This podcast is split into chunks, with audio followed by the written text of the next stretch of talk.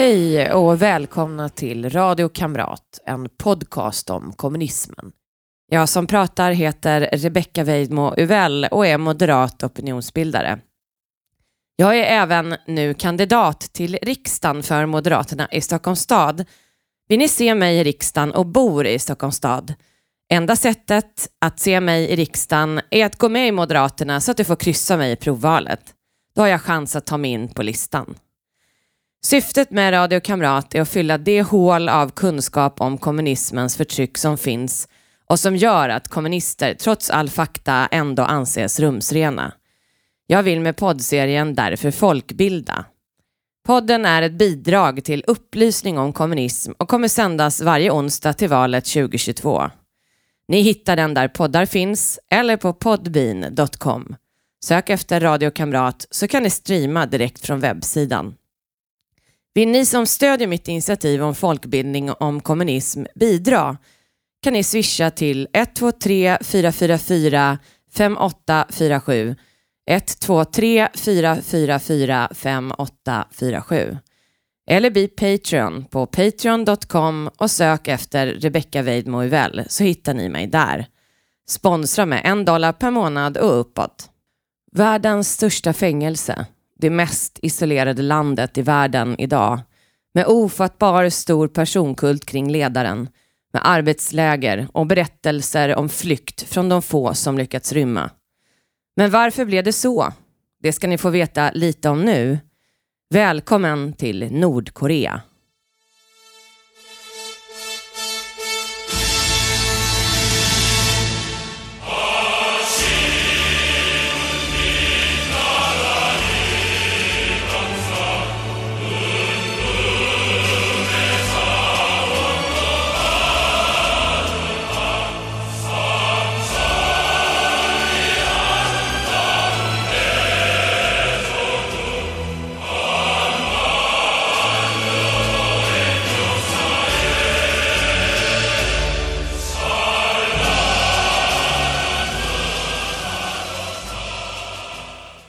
I slutet på 1800-talet förde Japan, som var stormakten i Asien, en aktiv expansionspolitik och började kolonisera närområden. 1910 annekterade de därför hela Koreahalvön och gjorde landet till en koloni. Visserligen industrialiserade japanerna landet som bestod av lantbruk, men det var för att bidra till Japans egen industrialisering. Senare gjorde japanerna om Korea till en logistikbas för krigföring. Koreanerna användes till tvångsarbetet till kriget och kvinnorna togs som sexslavar. Först efter andra världskriget blev Korea fria från japanerna. Då delade Sovjet och USA upp landet och tog varsin del. Dagens Nordkorea och Sydkorea föddes. Det var i detta vakuum kommunisterna kunde verka. Amerikanerna ignorerade till en början kommunisternas framfart och att minst hälften av det nya parlamentets ledamöter var kommunister utan fokuserade på att installera en antikommunistisk ledare i form av Princeton-utbildade Syngman Rhee som sedermera visade sig bli en korrupt despot utan intresse av att utveckla demokratin. Rhee jagade outtröttligt kommunister i Sydkorea och tidigt 1950 satt 30 000 misstänkta kommunister i fängelser runt om i landet. Bodoligan kallades RES program att utbilda kommunister. Norr om den 38 breddgraden i Pyongyang bildades Folkets församling under ledning av Kim Il-Sung, utsedd av Stalin. Det var bland annat Bodoligan som blev starten på Koreakriget när Kim Il-Sung attackerade Sydkorea. I april 1950 gav Stalin Kim Il-Sung tillåtelse att attackera under förutsättning att Mao lovade att bistå med styrkor om det behövdes. Den 25 juni 1950 korsade de första styrkorna gränsen vid solnedgången. Koreakriget inleddes.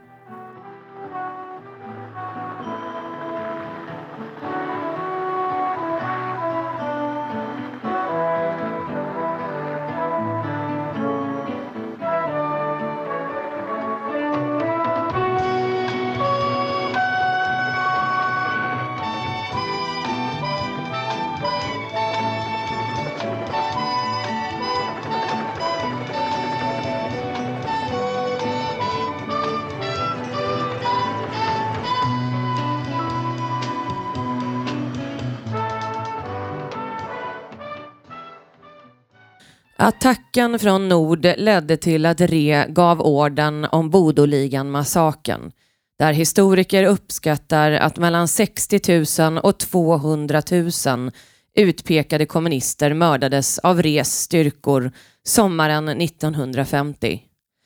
President Harry S. Truman i USA var oförberedd på invasionen men handlade snabbt. I juni 1950 höll han detta tal. Communist forces attacked the Republic of Korea. This attack has made it clear beyond all doubt that the international communist movement is willing to use armed invasion to conquer independent nations. An act of aggression such as this it creates a very real danger to the security of all free nations. The communist invasion was launched in great force with planes, tanks, and artillery. The size of the attack and the speed with which it was followed up make it perfectly plain that it had been plotted long in advance. 52 of the 59 countries which are members of the United Nations have given their support to the action taken by the Security Council to restore peace in Korea. Under the flag of the United Nations, a unified command has been established for all forces Koreakriget var en direkt följd av det kalla kriget efter andra världskriget. Kriget pågick i drygt tre år och avslutades den 27 juli 1953 men det är egentligen bara vapenvila. Konflikten mellan de två länderna pågår fortfarande. 40 000 amerikaner dog i kriget. Serien MASH, vars intromusik ni fick lyssna på för en stund sedan, skildrade ett fältsjukhus i Korea och blev mycket populär.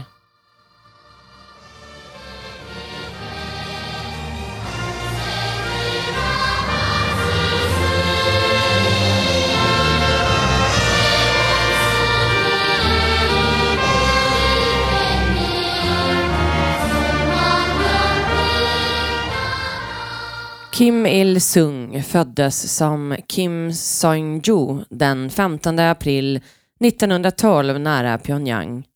Detta markerar också första året i Nordkoreas tideräkning.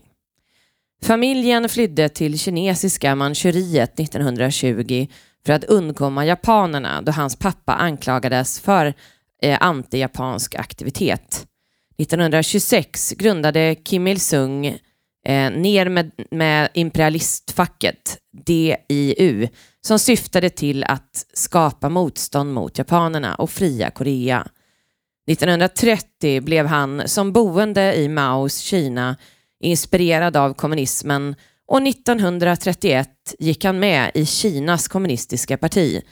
Det kommunistiska partiet i Korea hade visserligen skapats redan 1925 men slängs ut ur Komintern för att de var för nationalistiska. Japanerna noterade ett groende motstånd i Manchuriet och anföll därför Manchuriet 1931, vilket fick Kim Il-Sung att gå med i nordöstra antijapanska enade armén i Kina, en gerillagrupp som leddes av kommunisterna i Kina.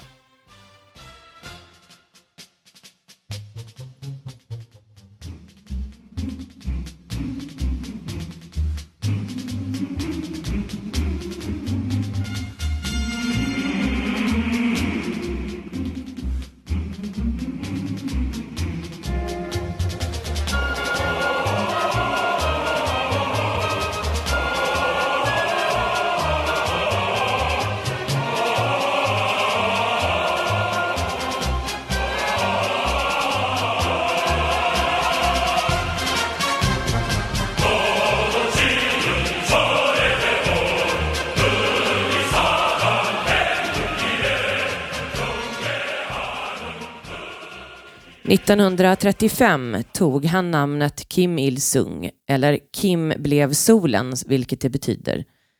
Det här antyder vilka ambitioner han hade redan då. Han tog namnet efter en betydligt äldre och bättre känd partisanledare som hade stupat i strid med, mot japanerna redan tidigare. Liksom många kommunistiska ledare byggde han alltså sin makt från gerillakrig ett framgångsrikt sådant för hans del och han steg i graderna efter fler och fler lyckade slag. 1940 tvingades han dock fly till Sovjet och 1942 utsågs han till major i Röda armén och tjänstgjorde till krigsslutet 1945 för Sovjet i andra världskriget. Den 19 september 1945 anlände Kim Il-Sung till Korea efter 26 år i exil. Den 1 december installerades han som förstesekreterare för det koreanska kommunistpartiets politbyrå. Men med bara åtta års skolgång och inte i Korea utan i Kina hade han problem. Han hade initialt svårt att ens läsa ett färdigskrivet tal på koreanska. 1946 inleddes landreformen som omfördelade hälften av marken i Nordkorea och all tung industri förstatligades. Han var till en början direkt underställd Moskva och Stalin. Men för att konsolidera och öka sin kontroll skapade han direkt Korean People's Army, KPA, och rekryterade alla grillasoldater han kunde hitta. Han beväpnade armén med moderna vapen från Sovjet. 1949 hade Kim Il-Sung lyckats få all makt genom att alla andra partier sammanslogs med hans och den militära styrkan var komplett. Hans vilja att öka sin makt och territorium ledde till Koreakriget som han dock inte vann. Kriget lämnade Nordkorea i ruiner, vilket ledde till att han beordrade att resten av marken skulle förstatligas och samtliga företag. När Mao blev osams med Sovjet ställde han sig på Maos sida. Så snart vapenvilan var undertecknad började han röja bort sina politiska konkurrenter samt alla partister med sydkoreanska rötter. 1955 höll han sitt Juche-tal som förklarade att Nordkorea var självständigt, det vill säga inte en del av Sovjet längre.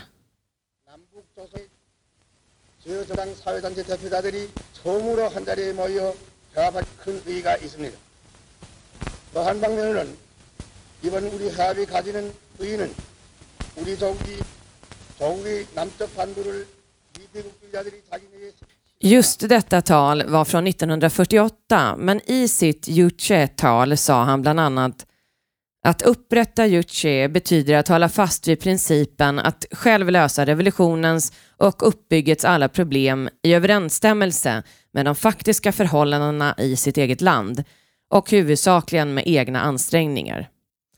Det är Kim Il-Sungs teori om Juche som skiljer Nordkorea från de andra länderna i Komintern som helt styrdes av marxist-leninismen. Ett mål med Juche är att omskapa människor till naturens herre. Den utgår från att istället för som i marxist-leninismen att de materiella sakerna orsakar klasser, att människan är alltings herre och styr över sitt eget öde. En annan föreställning är att folket både måste vara subjekt och objekt för revolutionen det vill säga, de måste själva omvandla sig för att kunna föra Nordkorea mot det kommunistiska samhället. Sammanfattningsvis är det en koreansk kulturnationalism kombinerat med stalinism. Inspirerad av Mao och det stora språnget lanserade han våren 1958 sin egen variant genom tusenmila hästen Cholima som en symbol för att kollektivisera och industrialisera landet ihop med femårsplaner. För att det inte skulle framstå som en kopia började kampanjen retroaktivt redan december 1956, det vill säga 18 månader tidigare. Här skapades också legenden om det heliga berget Paktusan på gränsen mellan Kina och Nordkorea som gör gällande att Koreas stamfader Tangun härstammade från berget. 1960 bröt Nordkorea helt och hållet med Sovjetunionen.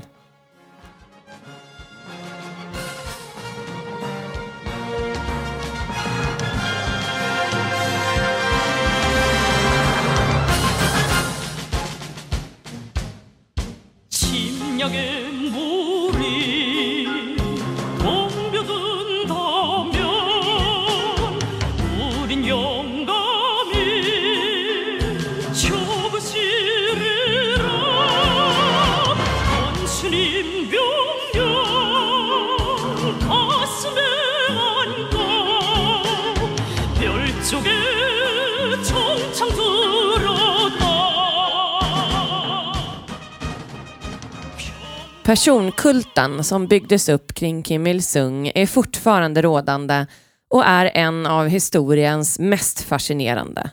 Till skillnad från Mao och Stalin fokuserade nämligen på honom som person och inte hans gärningar. Ett annat framträdande drag är fokuseringen på hans familj och släktingars bidrag till revolutionen.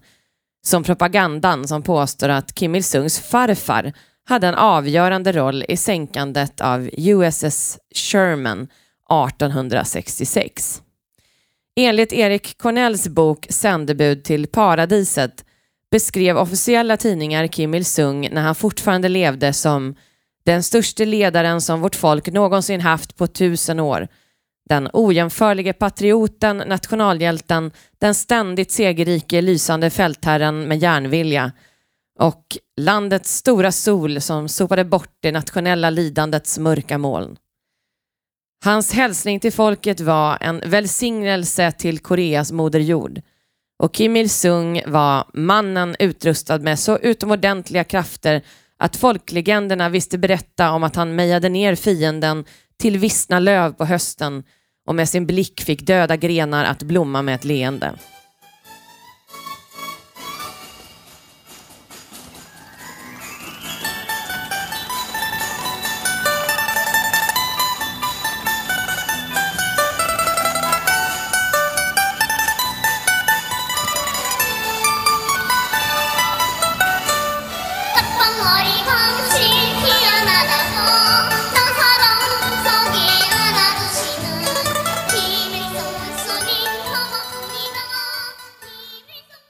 Det finns minst 34 000 monument i Nordkorea över honom. Och det största och viktigaste finns i berget Muahang där ett museum på 120 rum visar hur hela världen beundrar honom.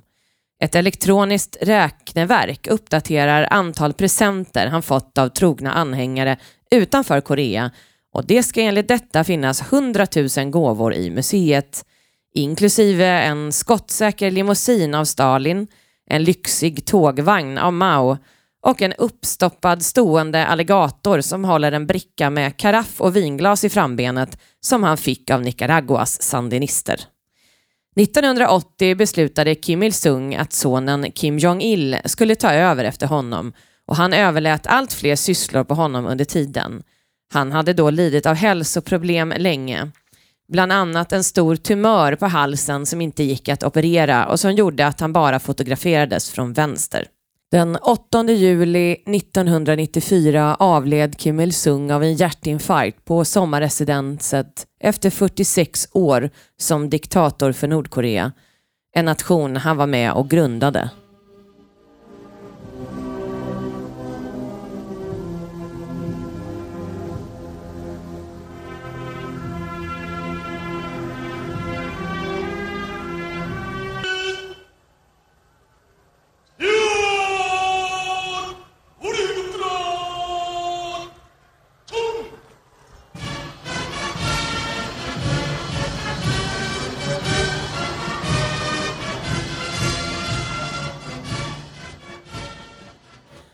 Ett par veckor senare tog Kim Jong-Il över ledarskapet, men presidentposten avskaffades. Så Kim Il-Sungs status som landets eviga och enda president varar än idag och han betraktas fortsatt som landets egentliga ledare. Varje skolbarn i Nordkorea får idag lära sig att Kim Il-Sung inte bara var en fantastisk fältherre och en modig soldat utan han var ett universalgeni som jordbruksexpert, bordtennisproffs och industriutvecklare.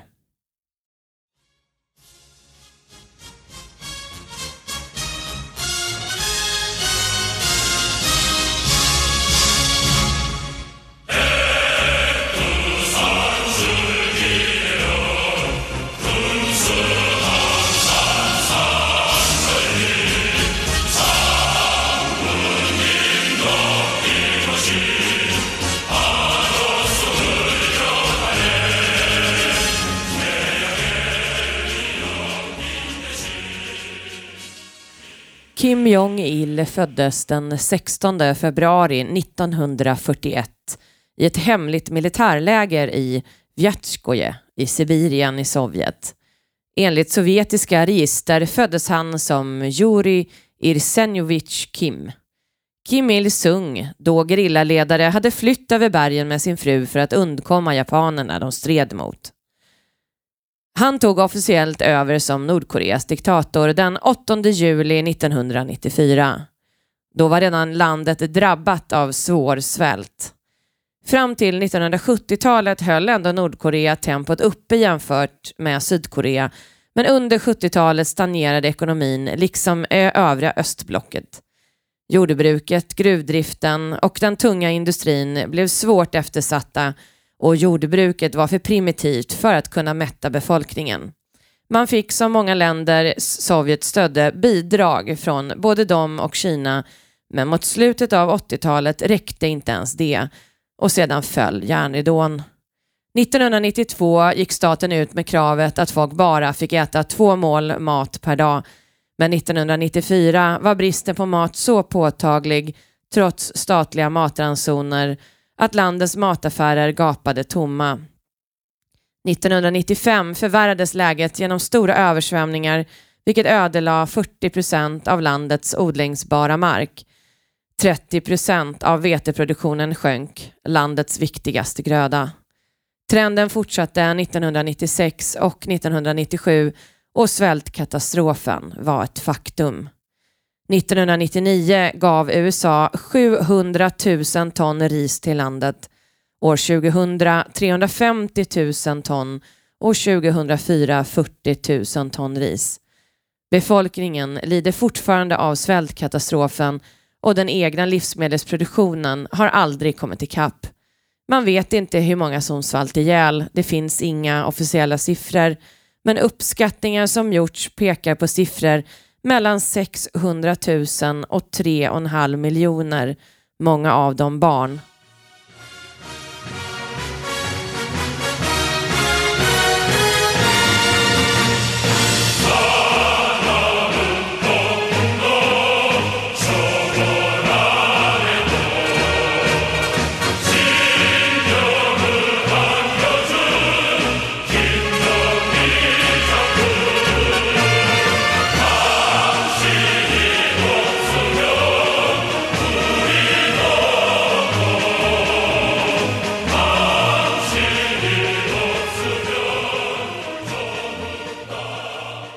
Enligt personkulten som även finns över Kim Jong-Il föddes han inte alls i Sovjet utan på det heliga berget Paktun.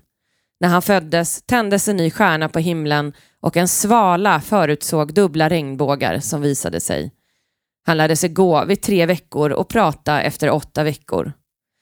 Den unge Kim var redan som barn ett geni och kunde som litet barn säga vad det var för fel på en bil utan att ens öppna huven. Han blev sedan en strålande student, en briljant militär strateg och en atletisk framgångsrik idrottare. Han var liksom sin pappa ett geni och det berättas om hur han flög jetplan, skrev operor, var världens främsta poet och hur han lyckades slå en hole-in-one första gången han spelade golf. Han har skrivit 1500 böcker och broschyrer och personligen producerat 800 spelfilmer, 400 barnfilmer och 1000 dokumentärfilmer och minst åtta operor. Han var också en utsökt konstnär och en lysande journalist. Hela världen beundrade honom och var avundsjuk för att det inte fanns någon lika genialisk ledare på annat håll. Han uppfann också hamburgaren och döpte sin uppfinning till dubbla bröd med kött.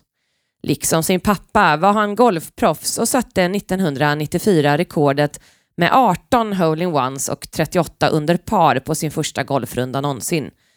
Den enda han gjort faktiskt. Enligt landets officiella sajt gick han aldrig på toaletten. Han kunde också påverka vädret med sitt humör och hade magiska krafter. En före detta anställd sa att medan han återhämtade sig efter att ha ramlat av en häst och åt smärtstillande så tvingade han att alla hans kompisar skulle ta samma dos för att han var rädd för att bli beroende av medicinen ensam. Kommunistpartiets tidning Rodong Sinmun meddelade också att Kim Jong-Ils vördnadsbjudande och anspråkslösa klädsel inspirerat omvärlden till den milda grad att hela världen tagit över efter hans stil. En fransk modeexpert citerades i tidningen som om Kim Jong-Il-modet. Kim Jong-Il hade håret i en så kallad bouffant som eh, kategoriseras av stor volym upp till eh, och oftast så att det även täcker öronen men han hade bara volymen uppe på huvudet. Han bar även alltid platåskor och ofta svarta solglasögon.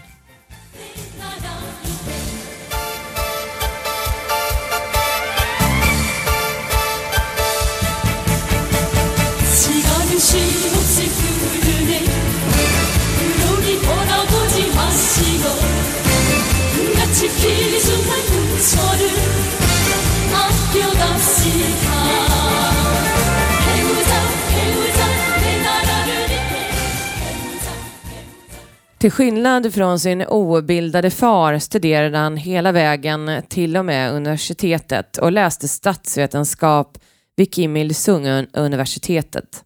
Han studerade också i Kina 1950 till 1952. I början av sin karriär som ledare benämndes han den käre ledaren och sedan bara ordföranden. Hans födelsedag är allmän helgdag i Nordkorea och folk gör pilgrimsresor till hans födelseberg Paktun för att visa respekt. Han visade sig sällan i offentliga sammanhang och när han väl gjorde det var det nästan bara vid stora militärparader i huvudstaden Pyongyang. Privat var han stor filmentusiast och på 1970-talet ville han skapa en stor inhemsk filmindustri så han kidnappade den sydkoreanska regissören Shin Sang-ok som tvingades arbeta i Nordkorea. Där gjorde han 1985 bland annat monsterfilmen Pulgasari innan han lyckades fly hem igen genom att hoppa av under en resa till Wien och fly till den amerikanska ambassaden. Filmen Pulgasari är som en remake av Godzilla fast en kommunistisk version. Här hör ni inledningslåten till filmen.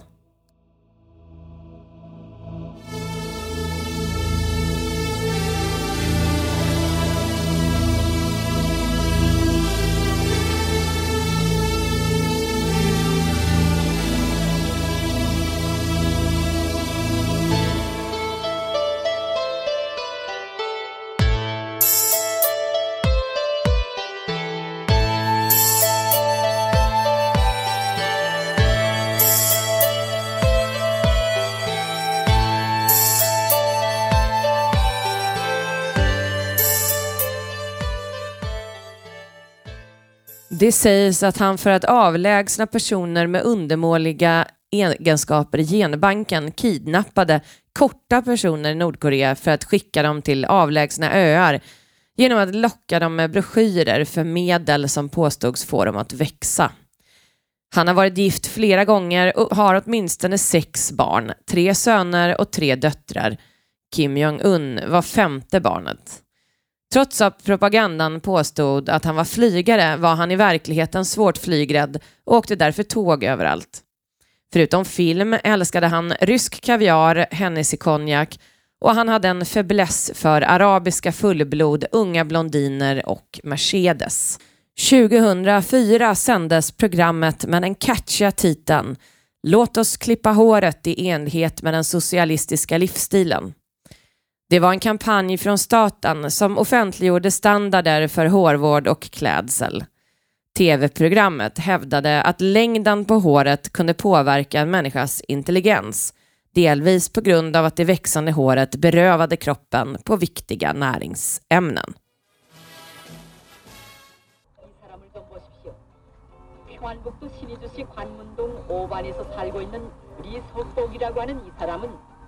저런 한심한 머리 모양을 해가지고 피공양에 출장까지 왔습니다.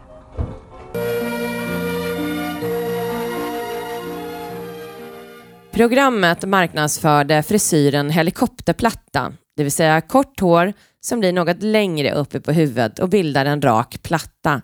Enligt programmet borde håret vara 1-5 cm långt och rekommenderade män att klippa sig var femtonde dag. De officiella frisyrerna tillät män över 50 att ha upp till 7 cm långt hår för att kunna dölja begynnande flint. De första fem delarna handlade om vad som var tillåtet. Den sjätte delen tog upp saker som inte var tillåtet. I ett avsnitt visade man till exempel mannen Go Kwang vars ovårdade hår täckte hans öron. Berättarrösten ifrågasatte den kulturella smaken hos denne kamrat som inte klarade av att skämmas för sin frisyr. Kan vi förvänta oss att detta ovårdade sinnelag utför sina plikter väl? I huvudstaden placerade staten ut dolda kameror för att upptäcka medborgare med olämpliga frisyrer. Klippen togs sedan med i programmet. De skyldiga intervjuades och ombads förklara sig och deras namn, adress och arbetsplats offentliggjordes för att avskräcka andra från att låta bli att klippa sig.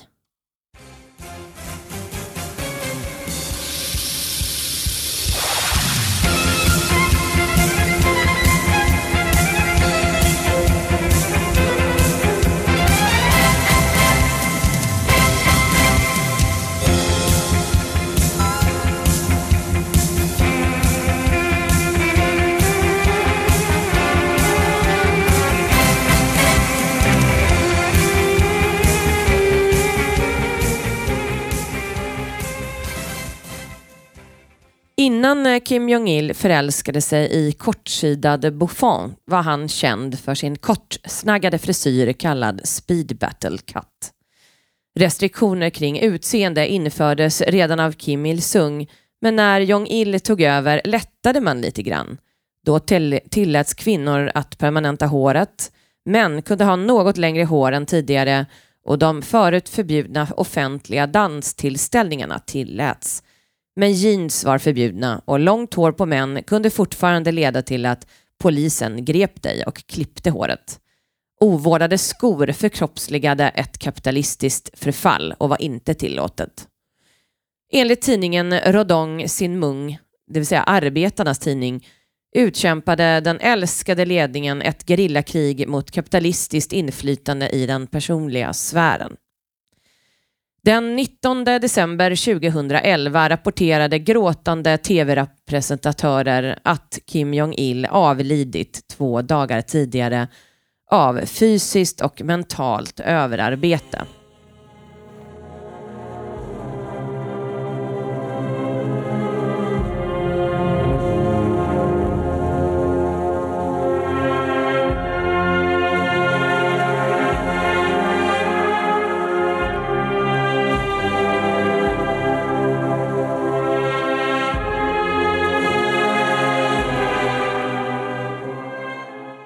I själva verket hade han fått en svår hjärtinfarkt 70 år gammal.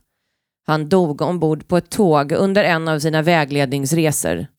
Den 11 april 2012 rapporterade medier att han hade utsetts till evig partiledare jämte sin döda pappa som är evig president. Den 17 december 2011 tog Kim Jong-Un över som ledare.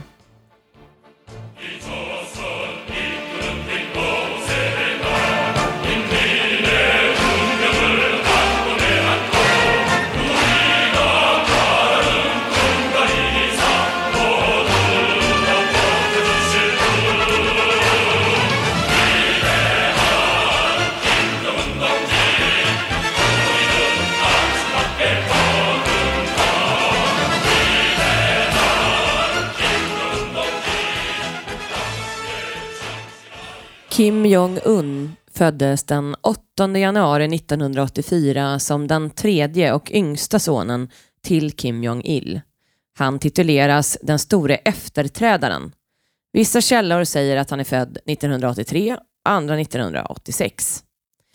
Han var såklart också ett underbarn och vid tre års ålder kunde han sju språk och vid sju års ålder kunde han hantera en pistol. Han ska ha studerat inkognito i en skola i Schweiz. Skolklasskamrater har beskrivit honom som tillbakadragen, intresserad av skidåkning och en beundrare av actionhjälten Jean-Claude Van Damme. Han älskar också basket och basketstjärnan Dennis Rodman är en av få västerlänningar som släpps in i landet som träffat Kim Jong-Un. Enligt japanska och kinesiska uppgifter i media tog han sig förbi sin äldre bror i successionsordningen efter att brorsan tagit sig illegalt in i Japan för att besöka Tokyo Disneyland. Mellanbrodern var aldrig aktuell. Vissa säger att han var för feminin för att göra fadern nöjd. 2007 blev det officiellt att Kim Jong-Un utsätts att efterträda pappan, vilket han gjorde bara tre år senare. I juli 2012 stärktes hans makt ytterligare när han utsågs till marskalk för den nordkoreanska staten. Man tror att hans ingifta farbror Yang Song-tak skulle fungera som regent i början eftersom Kim Jong-Un var för oerfaren. Den 12 december 2013 rapporterade dock media om att Kim Jong-Un beordrat avrättning av honom för grund av förräderi. Alla foton på honom retuscherades bort i det offentliga. Två år efter han tillträtt utsågs han till världens farligaste man. Till skillnad från sin far har inte Kim Jong-Un valt en kortsidig bouffant som sin frisyr, utan en mer klassisk backslick. Han lärde sig enligt officiella källor i Nordkorea att köra bil vid tre års ålder och första gången han spelade golf gjorde han 11 hole-in-ones 2016 rapporterade media om att han tagit fram ett läkemedel som kan bota ebola, cancer och aids. Enligt Kim Jong-Uns revolutionerande aktiviteter som används i nordkoreanska skolor står det att ledaren tävlade mot vdn för ett utländskt lyxyachtföretag i segling som nioåring och vann.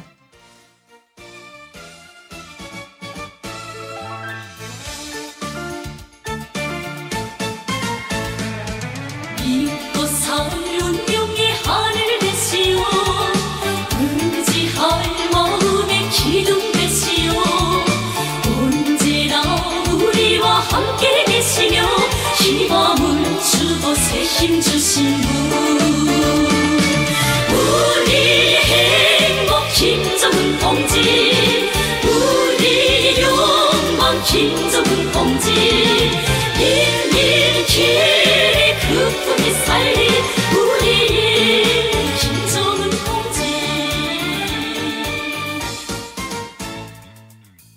Kim Jong-Un har isolerat landet ännu mer sedan han tillträdde och även fjärmat sig från Kina som var landets enda allierade länge.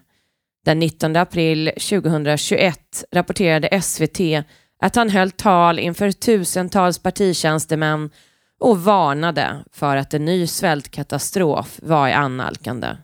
Han hade innan varnat för de ekonomiska problemet men aldrig tidigare specificerat det så. Han talade om ännu en svår och mödosam marsch. Men det är omöjligt att veta hur läget är eftersom Nordkorea idag är tömt på diplomater och biståndsarbetare. 13 miljoner nordkoreaner är undernärda. 60 procent av dem är barn.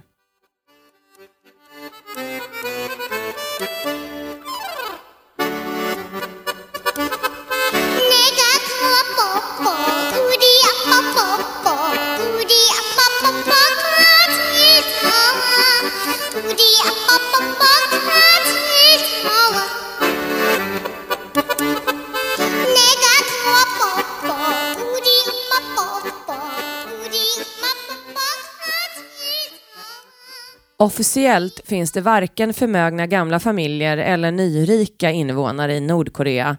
Alla har samma förutsättningar. I statens tjänst är lönerna nästan identiska. Alla får lägenhet av staten, jobb och matransoner. Men det finns ridhus, golfklubbar och taxibolag idag i Pyongyang. Med butiker med lyxiga märken, företag som hyr ut helikopterturer och flygbolag, nöjespark och vattenpark. Idag får en privilegierad klass, trots att de har statlig anställning, göra affärer i eget intresse och även ha ett bankkonto i Kina som gör att de kommer runt de internationella regleringarna. Vissa har blivit nyrika. 600 000 personer beräknas idag att försörja sig på att sälja varor på marknadsplatser. En fjärdedel av statligt anställda är också involverade i denna nya marknad. I snitt tjänar de 80 gånger mer på detta än på sina vanliga jobb i staten.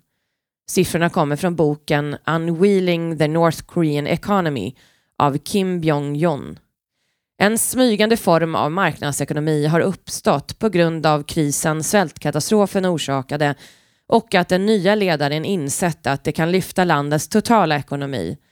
95 procent av säljarna på marknaderna är kvinnor för de har ingen given statlig anställning som män.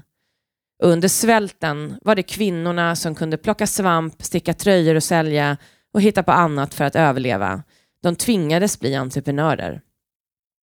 De kvinnliga säljarna öppnar också butiker när de blivit tillräckligt framgångsrika och små butiker och kiosker dyker upp här och där i huvudstaden. En nordkorean tjänar drygt 200 kronor per månad eller 170 000 won på privat företagande vid sidan om sin lön som ligger på mellan 50 och 200 kronor per månad.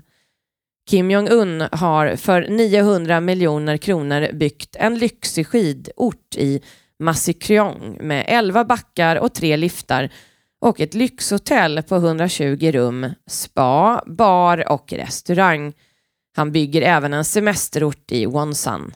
Men den dolda lyxen är ett tabuområde att prata om. Utåt låtsas ingen om de här nya växande klassen, att den ens existerar. Samtidigt som landet återigen står vid randen av svält. FN beräknar att landets 25 miljoner så står 10 miljoner människor snart i hungersnöd.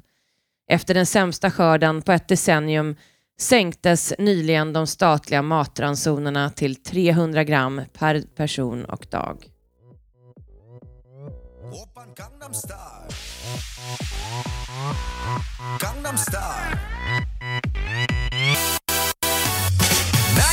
따사로운 인간적인 여자. 커피 한 잔에 여유를 아는 품격 있는 여자. 밤이 오면 심장이 뜨거워지는 여자. 그런 반전 있는 여자